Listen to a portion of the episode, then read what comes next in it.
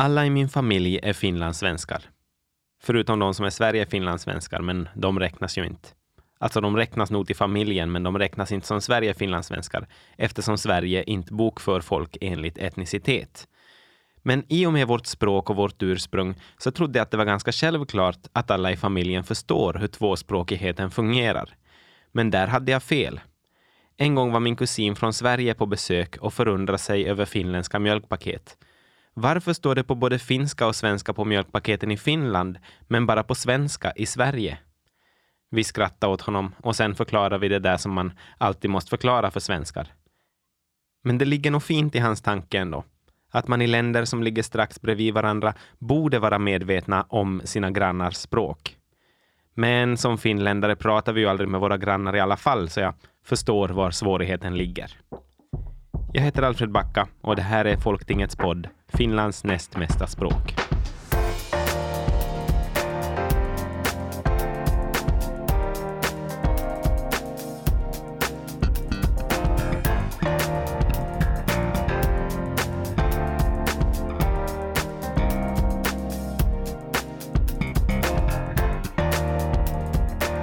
Varför ska folk lära sig svenska i det här landet?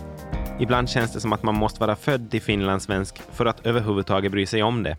Och likväl byter man helst till finska i butiken utan att ens försöka. Givetvis betalar vi sen kontant så att ingen märker att kortterminalen ger oss information på svenska. För att inte tala om självbetjäningskassorna som börjar ropa på rikssvenska när man trycker på fel flagga. Om vi inte ens kan prata svenska med maskiner, varför envisas vi då med att alla ska studera det här språket? Är det faktiskt så att den obligatoriska skolsvenskan är ett förlegat skolämne? Det har ju folk påstått väldigt länge, men debatten om skolsvenskan var mest påtaglig och högljudd vid ingången av 2010-talet och allra hårdast gick den i april 2014. Då lämnades ett medborgarinitiativ in till riksdagen om frivillig svenskundervisning. Svenskans ställning tryggas inte genom att ett ovilligt folk tvingas lära sig den, sa en politiker. Ni får själva gissa från vilket parti. Men längre än till riksdagen kom aldrig idén om att slopa skolsvenskan. Det fanns liksom inget intresse för det. Man tänkte sig att pröva med frivillig svenska på några orter, men efterhand föll de bort en efter en. Varför? Kanske folk inte var så ovilliga som det påstods. För att reda ut det här måste vi bege oss till den nordligaste utposten för svenska i Finland, nämligen Uleåborg. Jag heter Paula Rossi och jag är professor här vid Uleåborgs universitet. Jag är professor i nordisk filologi i praktiken i svenska språket. Men jag är den enda professorn här i landet som är professor i nordisk filologi de övriga är i nordiska språk eller i svenska språket. Så det här är en gammal tjänst.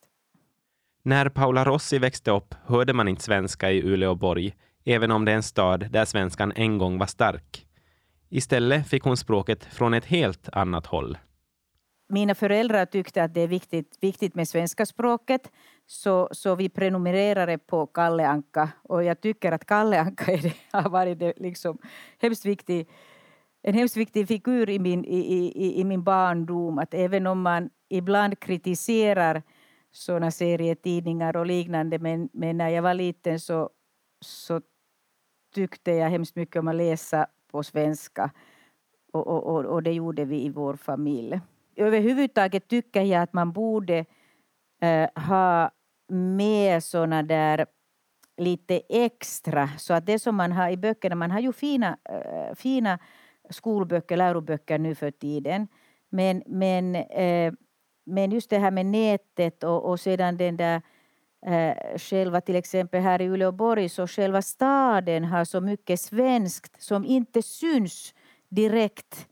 Men jag har gjort, eller vi har haft sådana projekt med våra studerande att de har gått runt här i stan och tittat på Länsstyrelsen, tittat på kyrkan, tittat på vissa andra byggnader och, och, när till exempel kyrkan heter egentligen Sofia Magdalena kyrkan och det kommer från Gustav IIIs hustru som hette Sofia Magdalena. Så att man borde liksom ta fram sådana här saker. Att varifrån de kommer, varför heter de på det där sättet? Och sen att man ser att det står någonting på svenska så att, att man skulle kunna göra det tillsammans med, med, med grundskoleelever och, och så.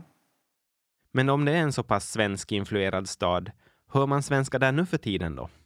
Inte på det sättet, alltså att man hör ju svenska nära, nära Svenska privatskolan, nära skolan förstås, och, och ibland i stan, men inte på det där sättet att, att, eh, att det skulle vara så där att man när man går, går, går där i, i, i centrumet att man skulle höra svenskan. Inte så. No, jo, men sen finns det ju turister från Norge här så att man hör norska ganska ofta under sommartiden när det kommer turister från norra Norge. De kommer till, till, till, till söder och de kommer till Uleåborg. Och, och, och det finns ju massor med, med, med, med norska turister här och då hör man norska.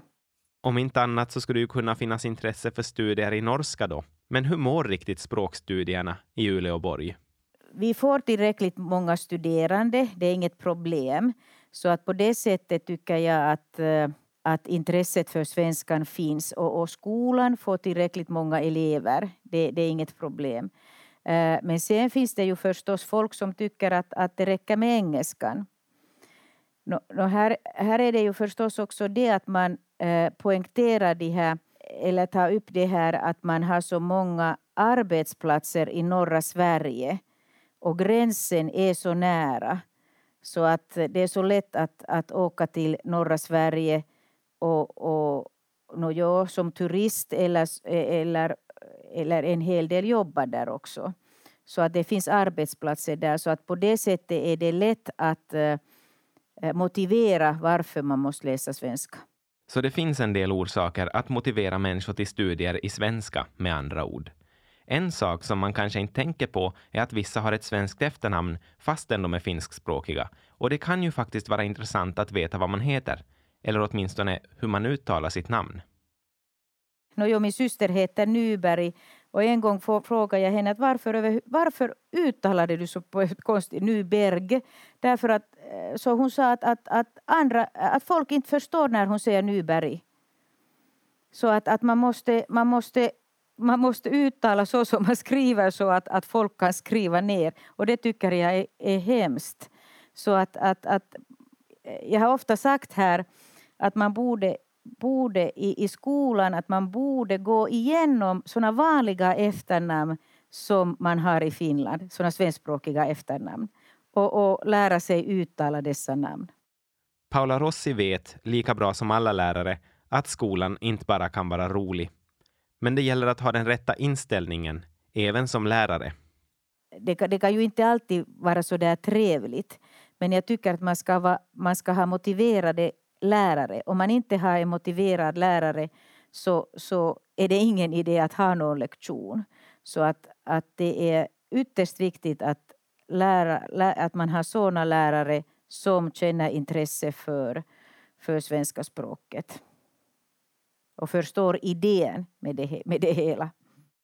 Uleåborg kallas för en svensk språkö, men vi kanske borde reda ut det här begreppet. En språkö är ett språkligt avgränsat område som omringas av andra språk. Eller i finlandssvensk kontext, en ort som i juridisk bemärkelse är enspråkigt finsk, men som har en svenskspråkig minoritet. Ställen som Tammerfors, Uleåborg och Lahtis räknas som språköar. De är finska, men har små, små svenskspråkiga enklaver, eller öar, där man kan hitta någon som lystrar till vårt svenska språk. Räknas då hela Svenskfinland som en språkö? Nej, kanske främst för att Svenskfinland inte är omringat av språk. Det är ju faktiskt vatten på ena sidan. Men nog är det väl lättare att ha en språkö på sådana ställen som har en direkt koppling till Sverige eller större svenskspråkiga befolkningar. Hur kan det då finnas svenska språköar på helfinska ställen? Vad motiverar de här människorna att prata svenska annat än där det är en historisk kvarleva? Vi får helt enkelt kolla genom att åka till Lahtis. Där hittar vi Karin Ihalainen som på egen hand tog svenskan till den här staden. Okej, okay, inte riktigt. Det var flera inblandade och många års hårt och målmedvetet arbete, men också en ren slump. Karin Ihalainen är utbildad klasslärare och jobbar numera som rektor för Svenska skolan i Lahtis. Karin, vad var det som hände? Alltså när jag flyttade till Lahtis 1990, eh, då skulle jag alltså bli mammaledig för tredje gången, så eh, blev jag då hemma med tre barn så småningom. Och eh, eh träffade faktiskt, eh, det, det är helt en normal berättelse, träffade i butiken en dam som talade svenska med sina barn. Och hon hörde att jag talade svenska med mina barn. Och hon kom fram till mig och frågade att hör jag rätt? Talar du svenska med dina barn? Jo. Och så visade det sig att vi bodde grannar. Och tillsammans började vi att fundera att ska vi inte försöka få igång någonting på svenska i Lattis? Alltså det fanns ingenting på svenska just då i Lahtis. Så, så det började eh, liksom den, eh, man kan säga att, att den svenska skolan kan man väl säga började där på Saarikunnas K-kauppa i Lahtis eh, som en, en liksom hemskt, en mamma-barnklubb eh, som befann sig, vi höll på i tio år, hade tiotalet familjer, olika. Folk flyttade, kom nya. Eh, vi var i såna lokaler som var gratis. Biblioteket, eh, församlingen, Ensia Turvakotti där vi kunde komma in och få ha eh, barnverksamhet. Men startskottet till, till svenska, alltså att vi började liksom gå vidare till någonting sånt som skulle vara varaktigt, det var... Vi, det kom en broschyr till alla som hade registrerat sig som svenskspråkiga. Och där kunde vi läsa för första gången att vi har en rättighet. Alltså om du bor i en kommun i Finland så har du rätt att välja antingen svenska eller finska till ditt barn som skolspråk. Vid det här laget jobbar hon som språklärare både i det finska gymnasiet och på universitetet, samtidigt som hon höll igång den svenskspråkiga klubbverksamheten i Lahtis. Så det var naturligt, om än väldigt tidskrävande och byråkratiskt, att starta en förskoleklass. Jag var förstås lärare för den också och jobbade sen kvällstid på, på kvällsgymnasiet. Och helt ideellt, barn i olika åldrar. Och sen, sen när, den här, när, när, vi förstod att vi har den här rättigheten, alltså i början av 2000-talet, så då började vi jobba faktiskt politiskt. Vi, vi uppvaktade politiker i Lahtis, skrev brev, gick och droppade ner i brevlådorna och så småningom så tog man... Eh, jag hade egentligen, jag bodde ganska nära en, en, eh, en, tom, en tom gammal skola som såg ut ganska liksom lämplig att man skulle kunna starta en liten svensk skola i. Det var en sån här gammal folkskola. Och, och egentligen så skaffade vi ritningarna till den och jag hade med mig en av papporna var rektor så att han kunde göra ganska eh, goda eh, kalkyler för att det här skulle egentligen för Lahtistad vara ett billigare alternativ än att Lahtistad skulle börja transportera de här två, tre, fyra svensktalande eleverna som skulle komma att önska svensk skolgång.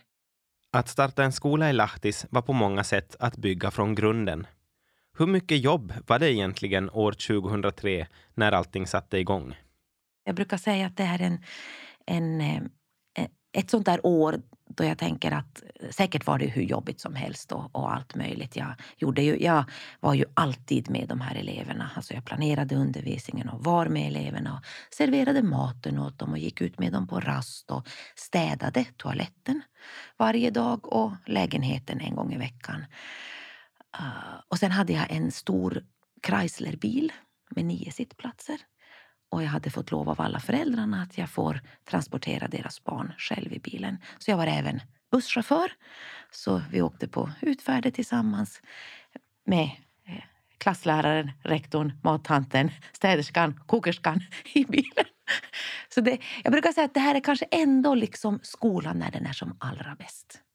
Och de här eleverna, de är ju vuxna nu, de brukar tänka tillbaka på det, det här året. Att det var liksom en alldeles, det var något alldeles speciellt som de fick vara med om. Och svenskan i Lahtis har bara växt sedan dess. Eleverna har blivit flera och omkringliggande orter har också visat intresse. År 2019 invigdes Svenska gården i Lahtis och mint förr så insåg man då att svenskan har betydelse. Alltså egentligen så blev jag förvånad av hur viktigt det är. Att jag hade den där visionen att det är viktigt och jag hade en tanke om varför det är viktigt. Men jag hade kanske inte förstått att, att det skulle liksom ha så, ha så stor betydelse för den finska omgivningen att vi är i svenska gården. Men att jag tycker, och speciellt förra året, det var ju naturligtvis en väldigt sån här positiv och eh, vinnande höst på många sätt och vis. Så hela vår verksamhet anser jag, och jag tror att många håller med mig, liksom eh, hela, vi fick en mycket högre status i Lahtis. Och jag upplever att, att liksom hela staden blev på ett nytt sätt stolt över att vi i Lahtis har en Svenska gården. Och man använder väldigt gärna, man vill säga Svenska gården. Och förut så var det mera, vi har ju två namn, Lahden Ruotsinkielinen koulu, Svenska skolan. Och nu hör jag oftare och oftare att man vill säga Svenska skolan. Alltså att det blev eh, alltså klimatet, språkklimatet i det här fallet tycker jag liksom blev, det, det förändrades väldigt mycket. Och, och, vi fick en helt ny status. Och vi ser det i vårt elevantal. Alltså intresset för att gå i svenska skolan idag eller ha sitt barn på Folkhälsans daghem. Alltså det är helt överraskande stort. Vi är helt vi är helt proppfulla redan. Lokalerna var inte alls tänkta. Vi tänkte att kanske 80 barn går i skolan och 50-60 barn i dagiset. Idag har dagiset 70 barn. De är helt liksom sprängfyllda. Och vi i skolan har, vi har 128 elever. Så att det är liksom en enorm expansion. Att vi går liksom väggarna, väggarna liksom tänjs kanske inte folket är så ovilligt att lära sig svenska som det en gång för länge sedan sades. För det handlar ju inte heller om att ta ifrån någon ett språk. Ska man leva lyckligt i Lahti så ska man nog eh, väldigt lätt växla mellan språken. Att jag ser det inte liksom som någon, någon skada eller någonting sånt som jag ska liksom ta ifrån barnen att de inte skulle kunna tala finska sinsemellan när de leker och umgås och, och sådana här saker på en språkö så, så är det ofta så att det är liksom runt skolan som svenskheten liksom finns. Det finns väldigt lite annat. Så därför eh, tycker vi att det är viktigt att vi liksom skapar det där, den där, det där svenska samhället för våra, våra familjer. För att även alltså föräldrarna behöver också liksom Eh, Eh, stöd i svenska språket. De behöver få uppleva saker och ting på svenska tillsammans med sina barn. Eh, det går inte att tänka sig att skolan är i ett vakuum utan vi måste göra lite mera. Och det är det som är tanken med Svenska gården som ett allaktivitetshus. Att, att där ska erbjudas och erbjuds redan nu i viss mån, men, men det är på kommande mer och mer aktiviteter för, för föräldrarna, tillsammans med barnen, utan barnen, kultur, eh, alla möjliga olika saker. Eh, det, det tycker det är en jätteviktig sak att, att involvera allihopa. Men att sen den andra saken är ju att, att eh, tid och, och människor är ju liksom vi, har ju inte, vi är inte så många som driver den här verksamheten. Språköarna verkar ju faktiskt vara ena paradis på jorden, eller i alla fall i Finland. Men finns det inga problem i den här idyllen då? Alltså den här arbetsbördan för de som jobbar på språköarna är väldigt, väldigt tung och där borde man hitta liksom lösningar. Och jag tror att vi är på väg åt ett sånt håll, att vi hittar det. Men jag tror att när man hittar det, eh, ett sätt att liksom underlätta eh, utveckling, eh, lyfta, skapa, föra fram språköarna så, så tror jag faktiskt att det kunde ploppa upp nya språköar också i Finland. För att jag har nog en sån tanke att när jag nu har sett hur Lahtis, den här processen som jag har varit med om, men hur Lahtis har på något sätt eh, från att lite motsträvigt ha en hurri som rektor så plötsligt så har man ett hus som man är väldigt stolt över och, och ber gärna eh, dit folk som jag guidar runt att det här är Svenska gården. Alltså en stolthet för hela stan. Så, så anser jag nästan att varje storort i Finland skulle kunna ha en svensk skola. På en ren individnivå spelar det inte så stor roll vad grundlagen säger. De som vill kommer att lära sig svenska och de som inte vill kommer att glömma bort det. Det handlar om en positiv attityd. Det är en attityd som man ser hos barn i Uleåborg, i Lahtis och på de andra språköarna. Vi ser att barn går i svensk skola för att familjerna tycker att det ger dem någonting. I de här skolorna skapas en tvåspråkighet som faktiskt fungerar på samma gång som integrationen mellan språken blir naturlig. Vi som bor på tvåspråkiga orter har mycket att lära oss. Kanske Svensk-Finland ändå är en språkö, en historisk kvarleva och ett fenomen som existerar, men bara så länge vi engagerar oss och använder vårt språk samt försöker få andra intresserade av det. På skolnivå fungerar det, så frågan är vad kan samhället lära sig av skolan? Det här var Finlands näst mesta språk. Jag heter Alfred Backa och i podden hördes också professorn i nordisk filologi Paula Rossi vid Uleåborgs universitet och Karin Ihalainen, rektor för Svenska skolan i Lahtis. Serien produceras av Paradmedia för Folktinget.